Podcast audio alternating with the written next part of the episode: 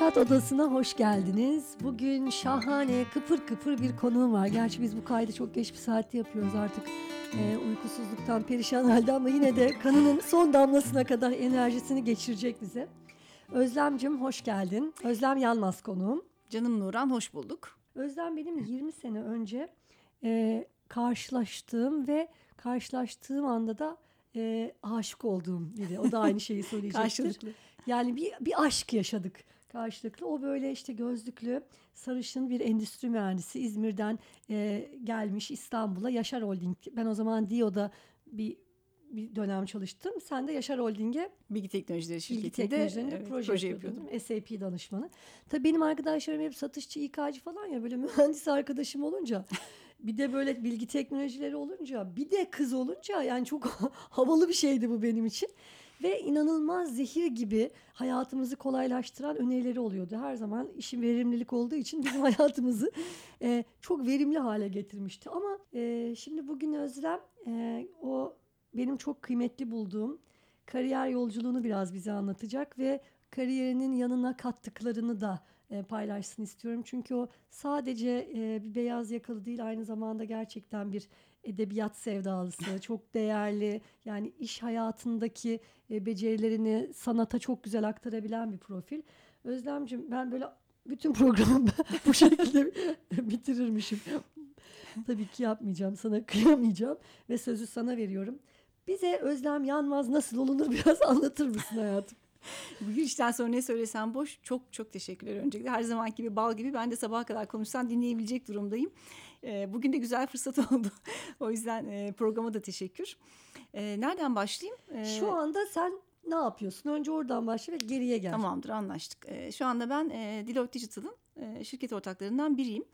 Deloitte'u biliyorsunuzdur mutlaka dinleyenler olarak sen zaten Yo, çok iyi biliyorsun ama bildiğiniz perspektif belki benim içinde olduğum perspektif olmuyor olabilir. Aslında biliyor musun bak şimdi biz iş hayatında olduğumuz için Deloitte deyince hemen hani anlıyoruz bir şeyler ama e, bizim dinleyicilerimiz arasında e, sadece beyaz yakalılar yok ya da yeni e, yeni iş hayatına atılacak kişiler de var. Orayı biraz anlatsan bir fikir de verir. Tabii.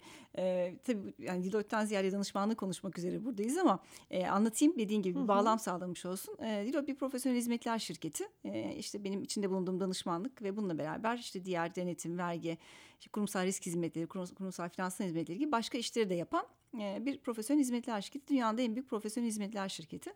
E, bahsettiğim şöyle bazen denetim ve vergi çok ön planda olabiliyor ya da işte oradan tanışıklık gelişmiş olabiliyor ve danışmanlık bilinmeyebiliyor. E, ben de Deloitte danışmanlıktayım. E, danışmanlığı yaptığı pek çok iş var, e, pek çok hizmet alanı var. Bunlardan bir tanesi digital. E, onun e, başındakilerden biriyim. E, başından itibaren de buraya nereden geldim diye anlatmak gerekirse. Şimdi artık yaş baş e, önemi yok. E, Sonsuz bağışıklık içerisinde bundan 22 sene önce başladım yolculuğa diyebilirim.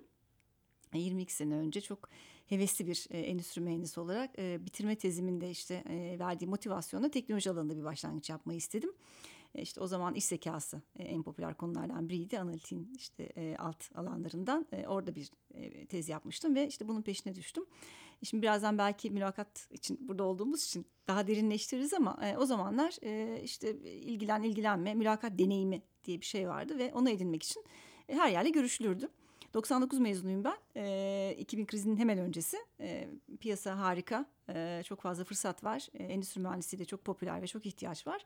E, hakikaten görüştüğümüz her yerden de teklif alırdık. Ama ben bir duvar ilanındaki 5 kişilik bir butik e, teknoloji şirketiyle başlamaya karar verdim. Bütün onlar öyle olmaktayken. E, ve başladım bu iş zekası alanında. E, bitirme tezini yaptığımı söylediğim. E, Bir süre devam ettikten sonra bu alanda bir e, girişimde bulunmaya karar verdik. E, Birkaç arkadaş, birkaç kafadar ve bir yine iş zekası bir şirket kurduk. Güzel de işler yaptık aslında. Ama bir noktada ben artık daha çok beslenebileceğim, ilham alabileceğim, daha büyük dünyaları deneyimleyebileceğim kurumsal hayata geçmeye karar verdim. Ve geçtim. O zaman bu zamanda farklı yerlerde teknoloji danışmanlığı yapmaya devam ediyorum. İşte birkaç büyük grupta çalıştım Türkiye'de. E, Bir global şirketin Türkiye organizasyonunda çalıştım. E, Bütün buraya kadar anlattıklarım ilk 7 sene içinde olanlar. E, Çok genç yaşta da çok önemli projeler yaptın Özlem. Çok çok da evet fırsatım oldu. Çok da beslendim. İşte SAP senin denk geldi bunlardan bir Evet. tanesiydi. Başkaları da var. Tabii maymun iştahlılığın ve e, denenebilecek her şey hani teklif edildiğinde evet e, demenin de bir payı olmuş olabilir. Öyle koşa koşa 7 sene geçti. E, 7 senenin sonunda e, Deloitte'a geldim. 15 senedir de buradayım. Maşallah yani, bayağı olmuş Özlem evet, ya. Evet e, bayağı oldu gerçekten. E, bütün ortalamalarımı egale ettim e, burada kalma süremle. E, Ama sen şu an partnerlerden birisin. Şu an tabii. partnerlerden biriyim. İşte 15 sene kıdemli danışmanlıktan. Huzur hakkı ödüyorlar mı? Böyle bir uygulama olsa herhalde adaylardan biri olabiliriz. Huzura çok ihtiyacımız var. Çok diyorsun. ihtiyacımız var kesinlikle. Şu an ne kadar yoğunsunuzdur siz bütün dijital dönüşümün böyle pik yaptığı bir dönem. Nefes alacak zaman oluyor mu? Buraya bu çok uykusuz geldim biliyorum canım benim. Anlat içini dök. Ne yapıyorlar? SGK'nı yapıyorlar mı? çok zor hayat. Herkesin hayatı zor ama tabii biraz da nasıl bir şey e, yapmak istediğinle neyi tercih ettiğin, niye evet neye hayır dediğinle de ilişkili. Yani ben nerede ne yapsam herhalde bu kadar zorunu yapmayı tercih ederdim muhtemelen. Bende de bir rahatsızlık sende var. var sende. Onu da, onu da kabul etmek lazım. Hani sen çok iyi bildiğin için bu rahatsızlık kendinden nasıl bir şey onu anlayabilirsin. Sen ama bana göre çok çalışkansın canım yani. Ben Ona iştahlıyım. Ben maymun iştahlı ve kısa süreli maymun iştahlılık sendromu benimki. Peki e, Özlem mülakatlarını şimdi tabii o zamanların endüstri mühendisleri. hala endüstri mühendisi çok kıymetli bir e, evet. alan aslında hala. Hele de insan kaynaklarında çok tercih ederiz. E, ama o zaman endüstri mühendisi her şeyi yapabiliyor. Yani makine mühendisi muadili de olabiliyor. İşte her işte e, kullanabildiğin böyle çok e, kilit, joker. joker elemanlar. Bir sürü mülakata gittim diyorsun sen de. Böyle unutamadığın e, var mı anılarında? Şimdi bir kere o zamanki mülakatları hatırlıyorum. E, o mülakat deneyimi işte denen çerçevede hiç ilgimi çekmeyen hatta ne olduğu hakkında çok limitli fikrim ne oldu. Rollerle ilgili de mülakatlara gittiğimi hatırlıyorum. E, bir de grup mülakatı diye bir şeyin yani çok yaygın olduğunu hatırlıyorum. Hmm. E, sen tabii çok hani iyi bilirsin güncel versiyonları da var. E, biz gerçi şu an mesela 5 yıl önce kadar yaklaşık bıraktık grup mülakatı yapmayı. E, avantajından çok dezavantajını yaşamaya başladığımız için ama o zaman öyle bir düzenek vardı. E, bir aynı role talip olanların katıldığı grup mülakatları vardı böyle hani kol kola girilen. Ee, bir de şunu 30 kişi giriyordu ya mülakata çok fena. Gerçekten inanılmazdı yani atölye ortamı gibi bir ortam. Ee, bir de farklı rollere başvurmuş adayların, farklı fonksiyonlara başvurmuş adayların bir seçkisi şeklinde girilen mülakatlar vardı. Yani birini gerçekten unutamıyorum. Bir e, zincir marketin e, işte ben tipik genel müdürlükteki işte planlama e, fonksiyonuna aday bir endüstri mühendisi e, olarak giriyordum. E, bir finans e, adayı vardı diye hatırlıyorum. Bir e, kasiyer adayı vardı. E, bir de unutmuyorum e, pastane bölümü e, Allah sorumlusu Allah. adayı vardı. E, sorular da çünkü Bu şey çok... fıkrası gibi yani. e, Birleşmiş Milletler fıkrası gibi gerçekten. E, inanamamıştım. Yani e, hani sorular çok benzer ama tabii ki perspektifler çeşitli. E, kriterler çok e, böyle hani su yüzeyinde yani görüyorsunuz hani direkt artıları eksileri tiklediklerini yaparken. Onu unutamıyorum. O çok enteresan gelmişti. Bir de şey hatırlıyorum Nurhan bilmiyorum e, hala bunların hani ne kadarı terk edildi ne kadarı hani bazı yerlerde uygulanmaya devam ediyor ama işte old school denen bu geleneksel mülakat tekniklerini hatırlıyorum. Bunlarla ilgili de kaynaklar vardı. Yani e, işte hani hazırlanabileceğimiz e, belirli taktikler belki edinebileceğimiz e, işte stres mülakatı diye böyle ben ona yangına körükle gitme mülakatı diyorum. Öyle bir şey bir şey vardı. İşte yok efendim e, cam masaların altında işte e, ayak hareketlerinden vücut dilini çözmeye çalışma. işte e, mülakat odasında e, işte anlamsızca bir süre bekletip işte kameradan e, işte o tedirginlik anındaki refleksini ölçme falan gibi. E, ne kadarı yapılıyordu? Ben ne kadarına denk geldim? Ne kadarından ya da şüphe ettim hatırlamıyorum ama şehir efsanesidir eminim ki önemli bir kısımda. Böyle bir durum vardı. Yani yapılıyordu ya. Derme çatma böyle bilgilerle. Değil mi? Yani mesela o grup mülakatı diyorsun ya şimdi ben şeyi düşündüm. Sana sorduğu bir soruyu sen bir mühendis olarak bir bakış açısına sahipsin ve cevaplıyorsundur ama o sırada o kasiyerin hissettiğini düşünsene. Yani bir fikri yok. Yani e, çünkü neticede diyelim ki işte bir biz şeylerde assessment'larda bazen grup mülakat yaparken bir konu veriyoruz. Diyelim ki bu şey konusu şirketin bir departmanına yapılacak yatırımın ne kadar gerekli olduğunu tartışmak. Şimdi bir mühendis geldiğinde bambaşka oluyor.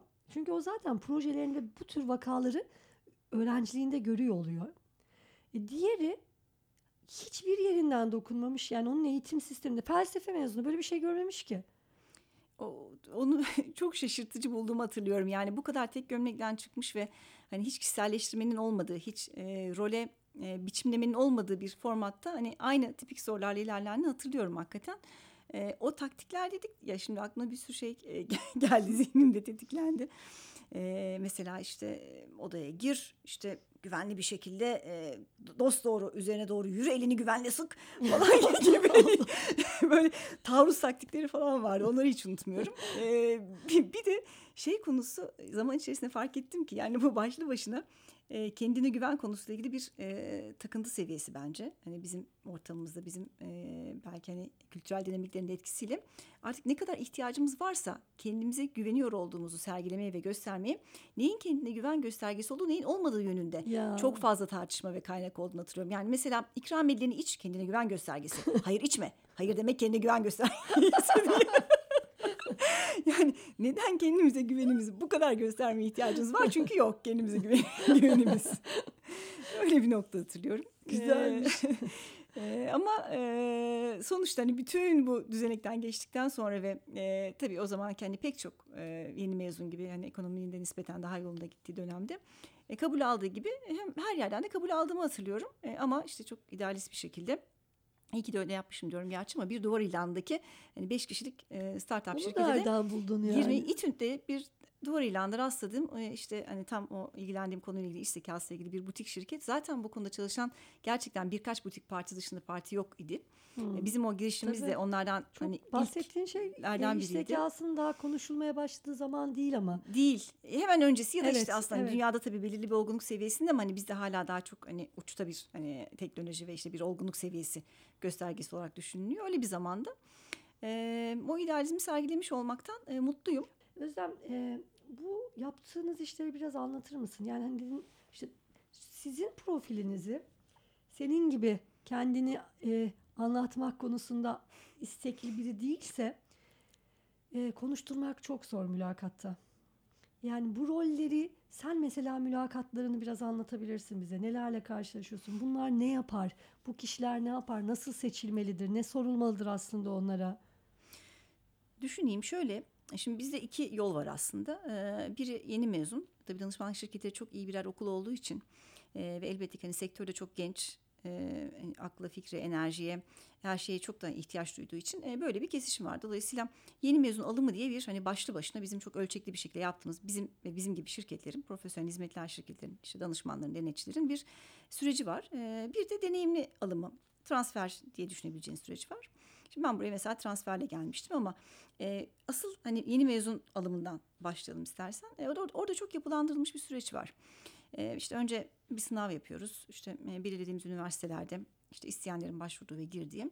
E, orada e, da- elbette ki vakalar e, yer alıyor ağırlıklı bir şekilde. O vakalar bizim gerçekten de danışmanlık hayatımızda, müşterilerimizde, projelerimizde, e, karşılaştığımız e, işte çözmek durumunda olduğumuz durumlarda e, hayatımızdaki gerçek vakalardan devşiriliyor. Tam assessment gibi mi yoksa role play gibi mi? Vaka mı sadece? Yok hayır tamamen hani kağıt üzerinde çözülecek olan vakalar ilk sınav aşamasındaki vakalardan bahsediyorum. Gerçekten gerçek hayattan alınma örnekler ya da onlara çok yakınsayan bizim projelerimizde uğraştığımız örneklere benzeyen Çok vakalar özür dilerim. oluyor. Bir fikir vermesi açısından dinleyenlere çok küçük bir örnek verebilir misin? Ya iş problemleri temelde işte karlılık problemleri olabilir. işte yeni pazara giriş problemleri olabilir. işte ürün penetrasyonu meseleleri Hı. olabilir. Hani sonuçta hani iş bakış açısı da gerektiren, işte stratejik yaklaşım da gerektiren ama mutlaka e, işte girdileri değerlendir, e, anlamlı bir şekilde işte hani e, analitik süzgeçten geçir, sonuca kavuştur. Hani e, yapmanı hı. gerektiren e, vakalar. E, bir öyle bir sınav var. Birinci aşama o.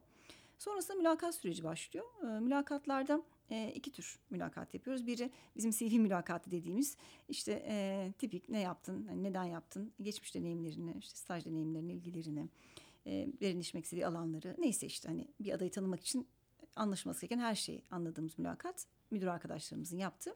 İkincisi de yine müdür arkadaşlarımızın yaptığı vaka mülakatı. E, burada da gerçekten işte belirli bir vakayı çözmek, üzerine tartışmak, çözüm yaklaşımı geliştirmek, sonuca kavuşturmak e, üzerine yani bizim aslında hayatımız neyse hani onun küçük bir simülasyonu gibi Anladım. düşünebileceğim mülakat. Bu bir, iki, üçüncü aşamalardan geçildikten sonra e, son aşamada e, partner mülakatları e, bizim yaptığımız. e, Mutlaka siz de görüşüyor musunuz? mutlaka.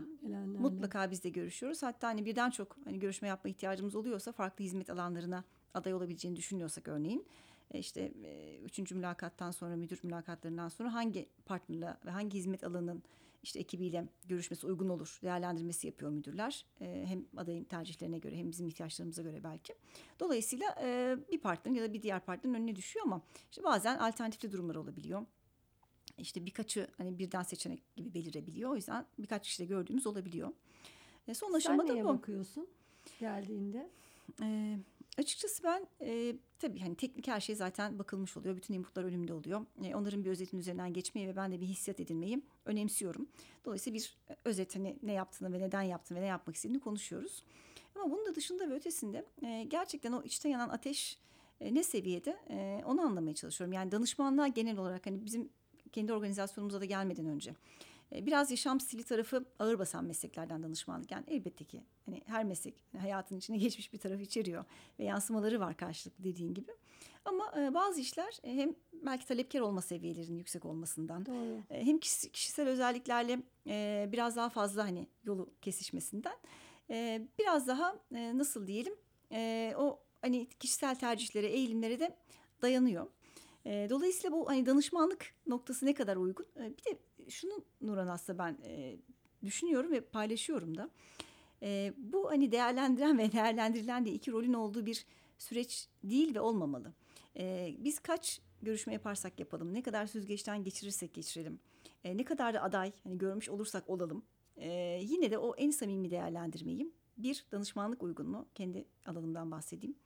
İki, bu organizasyon benim için uygun mu? Yine adayın kendisi yapabilir. E, dolayısıyla hani Doğru. bu şeffaf değerlendirme düzlemine getirmeye çalışıyorum ve şunu söylüyorum aslında özetle. E, işte naçizane bunu bir koçluk seansı gibi değerlendirelim ve beraberce bu iyi fikir mi? Önce senin için, sonra bizim için e, bunu değerlendirmeye çalışalım. Çünkü bu şey değil. Hani bir taraf kendini bir şekilde kabul ettirmeye çalışıyor. Bir Hmm. tarafta hani işte hani Bakalım, bakalım bakalım, bakalım bakalım. elemeye çalışıyor konusu değil. Çünkü yanlış seçim ya da işte yeterince iyi olmayan seçim diyelim yapıldığı zaman e, olmaması gereken bir de denkleşme olduğu zaman bunun e, maliyeti büyük. Yani bunun adaya maliyeti biraz daha limitli. Sonuçta öğrendiği yanına kar. Özellikle Tabii. yolun başındaysa bir sorun yok ama bizim için özellikle maliyeti çok yüksek. Yani çok ciddi bir emek harcanıyor. Yani gerçekten danışman ya da herhangi bir e, hizmet sağlayan endüstri e, uzmanı diyelim kolay yetişmiyor.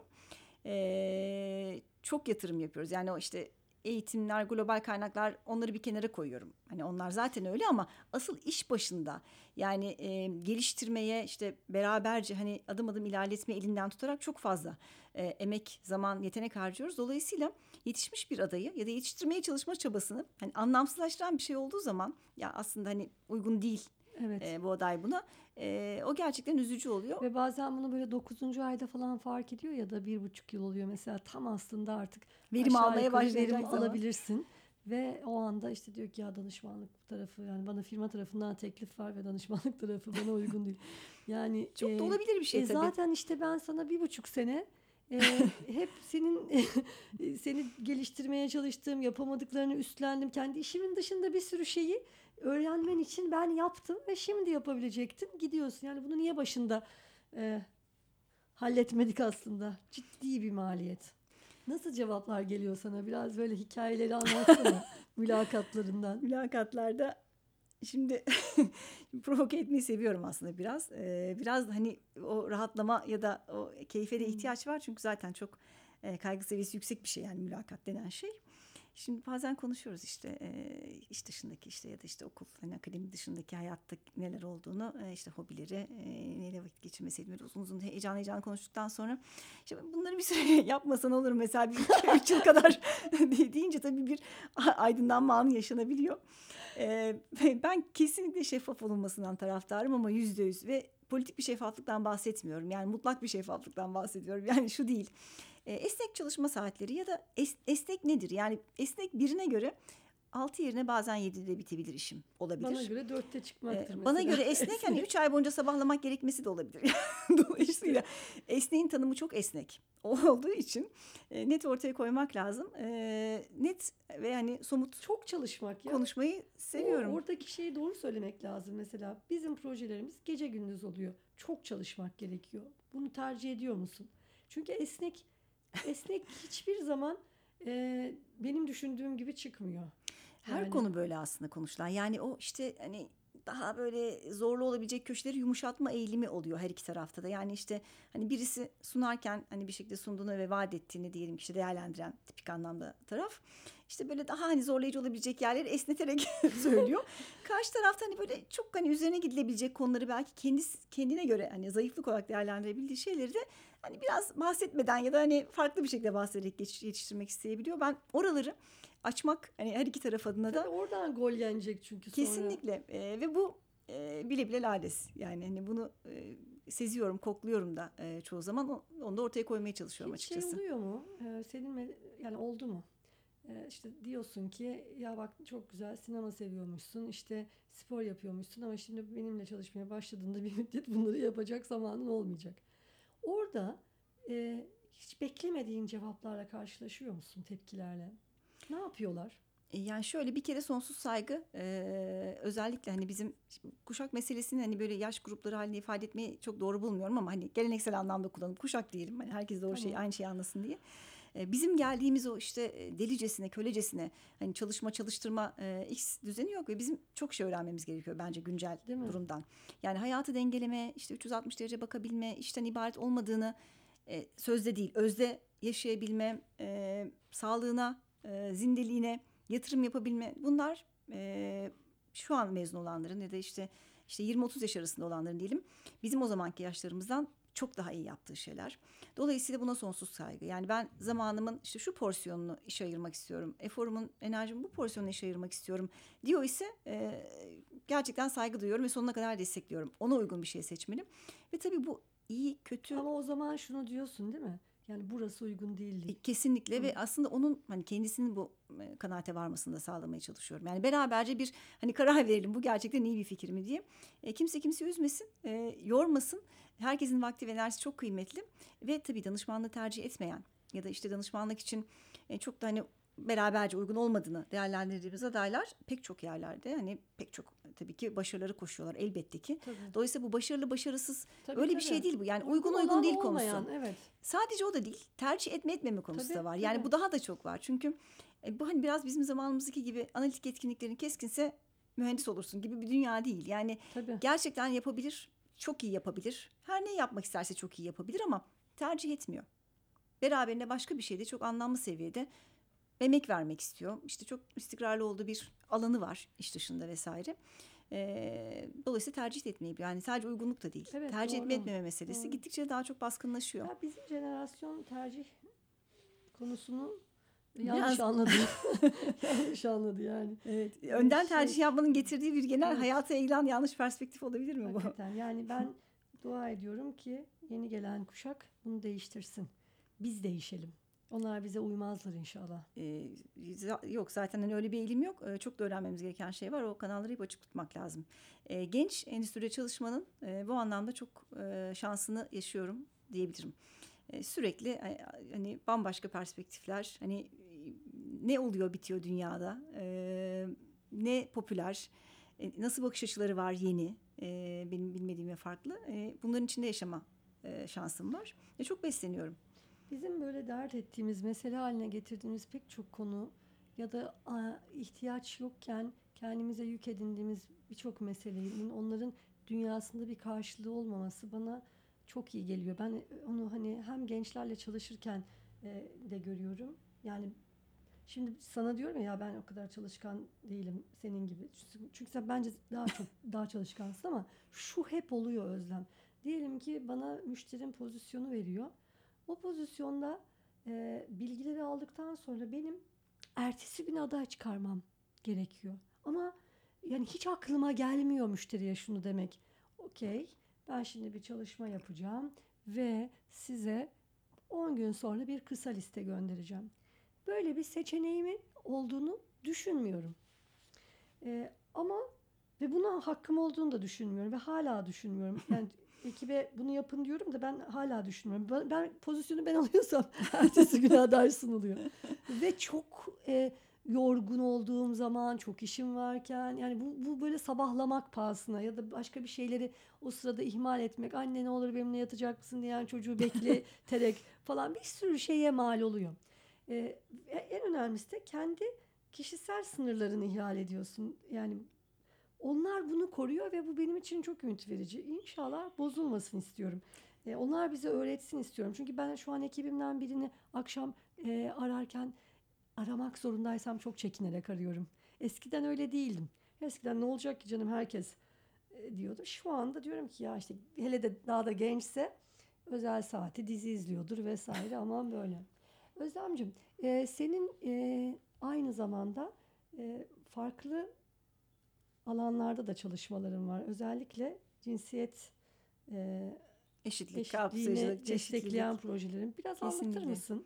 Seve seve. Ee, şimdi- teknoloji alanının hani biraz belki bazı alanların gerisinde bu konuda çeşitlilikle, kapsayıcılıkla gelmesiyle de tetiklenen bir şey olabilir. Yani ihtiyaç hissetme perspektifinden. Ee, bir yandan da tabii hani içinde bulunduğum e, atmosferde, organizasyonda özellikle bu topluma geri verme hani iştahını, motivasyonunu çok destekleyen hani bunun ilhamlarıyla dolu bir organizasyon. Bunun da şansını yaşıyorum. E tabii kişisel bir em, görev insanı hani olmanın da belki getirdiği bir şey. E, bütün bunlar sonucunda e, şu an mesela işte Teknoloji Kadın Derneği diye e, bir dernek var. Onun kurucu üyelerinden biriyim e, Deloitte adına. E, orada e, şunu yapmaya çalışıyoruz aslında. E, yetişmiş insan gücünün e, işte çok limitli olduğunu bildiğimiz teknoloji alanında. E, bunun içerisinde, bu limitliliğin içerisinde de kadınların e, ve diğer azınlık gruplarının çok daha az temsiliyet e, gördüğünü gördüğümüz bir atmosferde. Bunu arttırmak için e, eğitimler, e, bilinçlendirme çalışmaları, projeler, yarışmalar, e, aslında bir sürü şeyle e, bu alana sistem dediğimiz işte e, bilim, teknoloji, mühendislik ve matematik alanlarına kadınları spesifik olarak ve diğer azınlık grupları e, çekmeye ve burada sürdürülebilir kılmak için kariyerlerini desteklemeye çalışıyoruz. Şöyle oluyor çünkü seçmek bir zaten hani büyük dağ aşılması gereken seçme aşamasına gelmek ve seçebilmek. Ama sürdürebilmek e, onun kadar bir dağ. Yani işte hayatın farklı aşamalarında biliyorsun öncelikler değişiyor. İşte e, evlenmek, çocuk sahibi olmak, yaşla işte dönüşen e, işte kendini fark etme süreci, e, eşikler, krizler ve benzeri e, bütün bunlarla bu basamaklarda e, özellikle kadınlar e, eleniyor ya da kendilerini eliyor e, bir konu bu. daha yakın oluyor. Yani otomatik olarak vazgeçen o oluyor. Çocuğu Evet. oluyorsa gitmeyen Birisi oluyor. bakacaksa o yani tabii bütün sistem böyle bir güdüleme yapıyor. Yani bu şey değil. Hani erkekler kadınlara böyle bir dünya yaratıyor değil. Erkeklere de çok ciddi bir e, anlamsız işte yükleme. E, erkeği de kendi belki çaresizlikleriyle baş başa bırakma.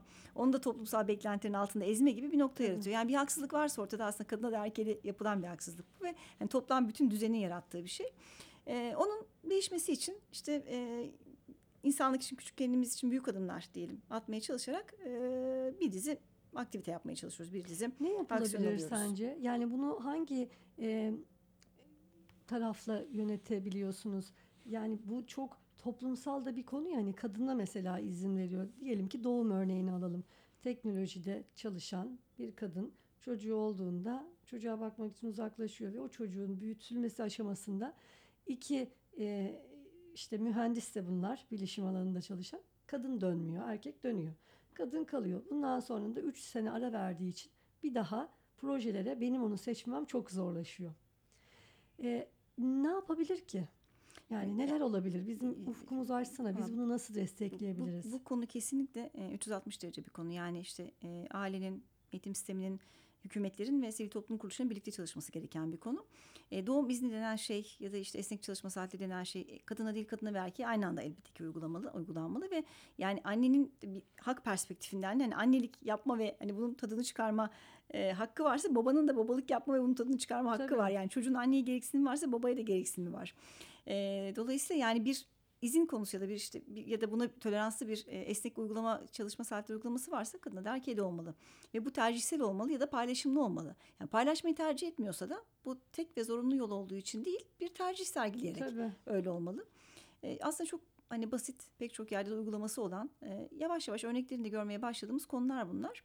E, kurumlar inisiyatif alabiliyor çok fazla. Hani böyle hani genel regülasyonu desteklediği düzenekler tam Var böyle mı? olmayınca. Şirketlerin bakış açısı nasıl? Yani böyle bir şeyleri e, bu tür durumlarda kadınları destekleyici programlara yakınlaşmaya başladılar mı?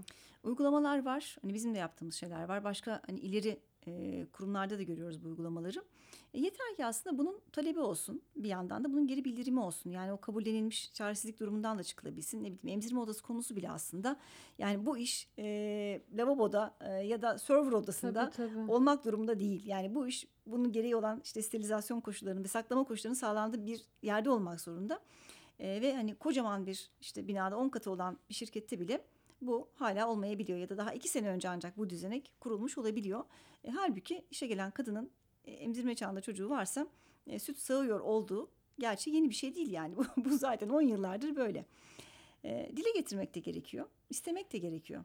Ya hakikaten. Çok... Ama kadının değil sadece. Tabii, yani tabii. kadının kadın için bir şey istemesi ya da azınlık grubun azınlık grubu için bir şey istemesi değil.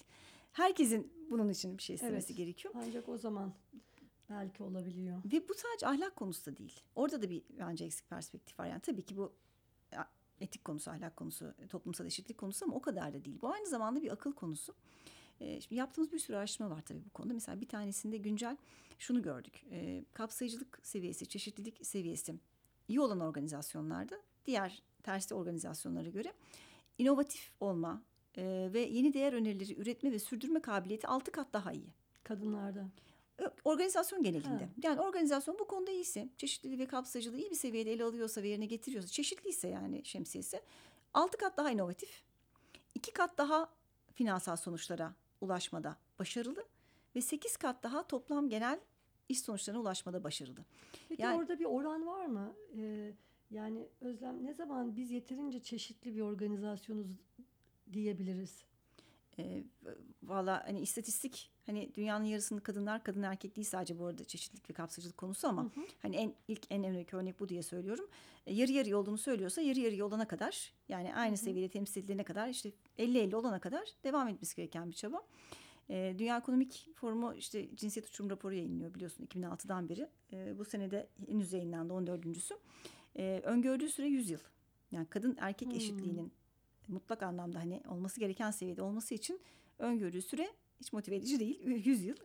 Evet. Türkiye yani bu arada sadece Türkiye'nin meselesi değil tabii ki bu. Ne azınlıklar Tabii. konusu ne kadın konusu ama tabii Türkiye'de de bizim özel bir durumumuz var. Ee, sıralamaya bakarsak yani sıralama konuşuyor bunu aslında bu bir şey değil objektif bir şey. 153 ülke var endekste biz 130. sıradayız. Onun da dört, yani şu da çarpıcı aslında.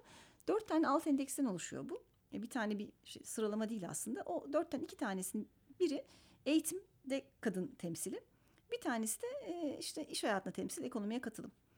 Eğitimde temsile 113. sıradayız. Yani daha iyi bir sıradayız. Ama ekonomiye katılımda 136. sıradayız. İşte bu şunu Ya söylüyor. oku ve evinde otur diyor Oku zaten. evinde otur tabii. diyor. Aynen öyle. Yani okumak bir güçlük. Hadi okudun diyelim. O alanda kariyer gütmek bir güçlük. Başladın diyelim sürdürmek bir güçlük. Ya mesela maddi durumun iyiyse zaten niye çalışasın diyor. Oku kızım diyor oku. Bak ben diyor e, işte fabrikatörüm ben bilmem ne tüccarıyım. İşte ya da işte iyi bir inşaat mühendisiyim. Şartlarım ve, ve çok şaşırıyorum. Özellikle de ben böyle e, okumuş babalardan, okumuş annelerden bunlar gelince çok şaşırıyorum. Yani genel müdürlük yapıyor bir şirkette, yöneticilik yapıyor, çocuğunu okutuyor güzel okulda kızını. E, çünkü erkek için öyle bir şey olmuyor. Ondan sonra diyor ki tamam kızım işte ne kadar güzel ne okudun? İç mimar. O şahane meslek. Otur şimdi. Otur ne gerek var diyor başkasının yanında çalışmana gerek yok. Birine kendini yıpratmana gerek yok. Ya hani boşa okumuş e, deriz biz. Hani okumayı çok isteyen o Hmm. imkanı zorlayarak okuyanlar için boşa mı okudum ben çalışmam lazım deriz. de Onlar için de olur mu hani eğitim ne güzel cebinde. Ve şu anda belki artmış bile olabilir okumuş olup çalışmayan sayısı. Peki Özlem yani gerçekten çok güzel. Ee, bir kurumun e, bunu içselleştirmiş olması, bütün çalışanlarına yaymış olması çok kıymetli. Ee, zaten bir şeyler değişiyorsa işte böyle uluslararası firmaların bu bakış açısıyla e, onların e, rol model olmasıyla diğer şirketlere değişebiliyor. Ama hiç mi yani bir yamuk, hiç mi bir itiraf, hiç mi yani Ha, bir- dur bu, bu konudan şey çıkmayabilir aklıma gelen bir şey ama e, şş, dur bir dakika şimdi şunu soruyorsan e, Bu kadar hani neyle- gerçekten kağıt üstünde olduğu gibi mükemmel dönüyor mu işler mülakat odasında? Ee, değil tabii ki sadece mülakat odasında değil aslında yani mülakatın hani sonrasında da ben şimdi kendi e, örneklerimden hareketle neyin imtihanı yaşadım diye bakarsam e, şimdi bizim de bilmediğimiz yeni öğrendiğimiz öğrenmemiz gereken zorlandığımız e, haller olabiliyor ya da yeni yetkinlik setleri diyelim şimdi olabiliyor. E, şöyle bir imtihandan geçtim hani ben ve benim içinde bulunduğum digital grubu diyelim. Şimdi Deloitte dünyası ve bizim işte danışmanlıktaki yetkinlik setleri hani iki temel yetkinlik setinde odaklanmış. Biri stratejistler, Bir de teknolojistler yani hayal kuranlar ve hayata geçirenler diye Hmm. bakabilirsin. Ben biliyorsun hani teknoloji kanadından geliyorum. İşin stratejisiyle ilgili de pek çok fırsatım oldu ama asıl teknolojistim ikisinden biri ise ve bir de işte strateji kası ağırlıklı olanlar var. Şimdi Deloitte Digital'la birlikte globalde de hani Deloitte'un hayatına bu markayı var ettiğinden beri işte e, 12 yıl öncesinden beri yaklaşık 5 yıldır da biz Türkiye'de bu yatırım yaptık ve ayağa kaldırdık. 5 yıldır da bizim için bir üçüncü yetkinlik seti, bir üçüncü hizmet alanı var. Hiç daha öncesinde bilmediğimiz ve alışık olmadığımız bir alan. O da kreatif alan.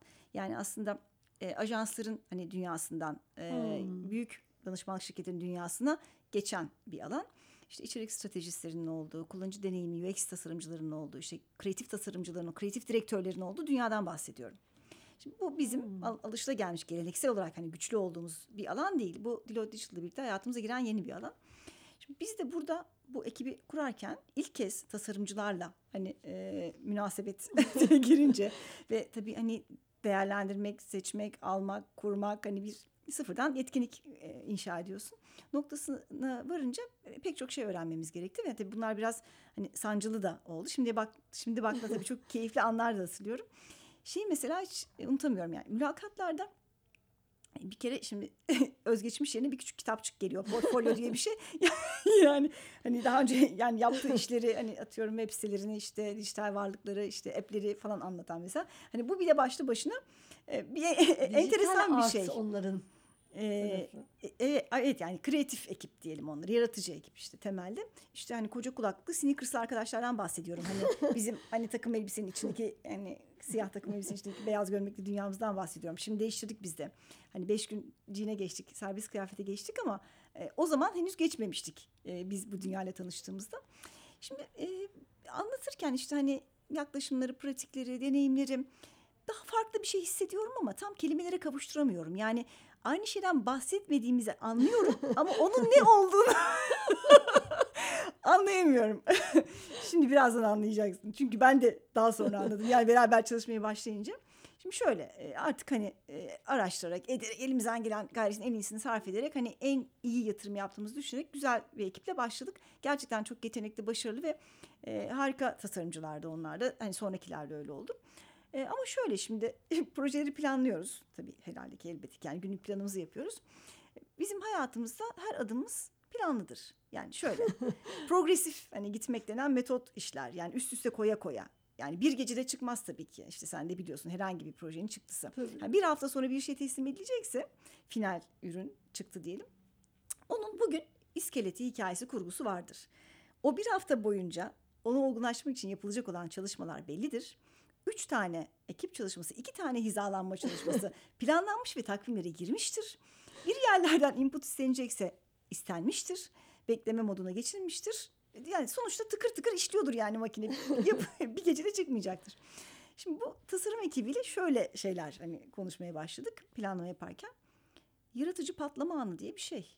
Allah Allah. bahsediyorlar. Şimdi tamam. Tövbe tövbe. tövbe tövbe. Sonsuz say anlıyorum çok güzel. Tamam iş adı üzerinde zaten hani yaratıcılık temelli bir iş. Ama şimdi benim sormam gerekiyor ne zaman patlayacağını. yani yani e, saygı duyuyorum tabii ki senin hani patlama kondisyonun ama hani bu 48 saat içinde patlarsın değil mi? Patlar demeye ihtiyacım oluyor. Ee, yani ne- neyi ne zaman yapacağını böyle çok granüler bir şekilde sormam gerekiyor ama sormaktan utanacağım bir durum oluşuyor. Çünkü seni panikle yani böyle şey pozisyonuna sokuyor değil mi? Senin beklentilerin çok yersizmiş gibi. Yani kendimi böyle son derece olsun yani neden bahsediyorum ben falan der gibi hissediyorum. Ee, o kadar hani her şeyin böyle en ilerisinde böyle en tabu devireninde falan hani olmaya alışmışken bir anda tam tersi böyle şey konfor alanından hani çıkmayan böyle çok geleneksel usullerle iş yapan falan bir halde buluyorum kendimi. Ama sonuçta bir deadline var, bir tarih var, bir sunum var. Gidilecek, sunulacak o yani gösterilecek tasarım. Ve ne zaman patlayacağı, o anın ne zaman geleceği belli değil. Patlamazsa patlarsınız Patlamazsa da patlama ihtimali var. Yani şunu hatırlıyorum Nurhan gerçekten yani böyle hani zorlaya zorlaya hani üzerinde artık böyle çalışılmış bir şeyin e, turnikeden güvenlikten geçerken şimdi bir dakika deyip de o an hani evraka peçeteye, peçeteye çizdiği şeyi gidip anlaştığımız sunumu değişip onu sunduğunu biliyorum yani Ay, tasarımcının. Gerçekten Bu- böyle mi ya? Bu yani şimdi bu biraz hani uç bir örnek oldu bu iş. e, Ama yani Ama gerçekten gerçek hayattan bir şey. Gerçek hayattan bir şey. Bunu ben yaşadım. Ee, o kalp sektesini hani yaşamanın eşiğinden dönen ben ben de o noktada. Yani şöyle şeyler düşündüğümü falan hatırlıyorum. Acaba paralelde hani bir başka şekilde bir başka kaynak planlaması yapıp bir paralel tasarım mı Belki çalışsam mi? cebimde mi Evet. olsa ya patlamazsa hiçbir şey çıkmazsa gibi. Neyse bunları şunu söylemeye çalışıyorum. Aslında yani her zaman öğrenecek yeni bir şey. Her zaman şaşırılacak, tökezlenecek bir şey var. İyi ki de var. Hani e, hayat aynı değil ve dönüşüyor demektir ve biz bir şey öğreniyoruz demektir. Çok tatlı ama en acısı da şu tabii yani senin gerçekten tabuları yıkan böyle hani e, şey yel değirmenlerine savaşan Özlem'in bir anda kendini old school Yani gelenekçi hissetmesi çok aa, gerçekten- bir şey. acıydı. Ee, ama bu arada bu işin de ekolleri var tabii her işin olduğu gibi. Hani bir yanda sanatıma karışmayın diyenler var. Hani bir de bu işin de bir matematiği var tabii. Bu işte sadece şey değil ki canım istedi kırmızı yaptım değil Tabii. yani elbette bir lojiği var bir hikayesi var. Bir de daha analitik hani gidenler var. Ee, ortalamalandık. Yani e, metot Her konusunda alanda olduğu gibi. her alanda olduğu gibi hani ekipler hani biraz daha bizim o hani çok deadline baskılı ve planlamanın ağır olduğu düzene alıştı. Hani biz de biraz daha tabii esneklik payı bırakmaya alıştık. Orhan Pamuk'un saf ve düşünceli romancıyı okudun mu bilmiyorum. E, masadaki şeyde Çok yani okunacaklarda anlatıyor aslında hani Evet. e, yani o, o- onu değiştir saf ve düşünceli e, dijital dönüşümcü saf ve düşünceli mühendis hepsine uyarlayabilirsin yani çok iş yapışa dair e, herhangi bir konuyu ele alışa dair bir pratik anlatıyor çünkü. çok yakın Evet, zamanda hatırlıyorum. evet öneri listesine girdi aldım. E, merak ediyorum güzel.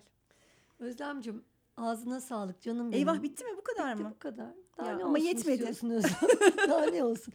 Doyuru seni hiç tatmin edemeyecek miyiz? Hiçbir zaman iyiydik. Çok özlemişim gerçekten. E, çok teşekkürler. Çok güzel oldu bence de.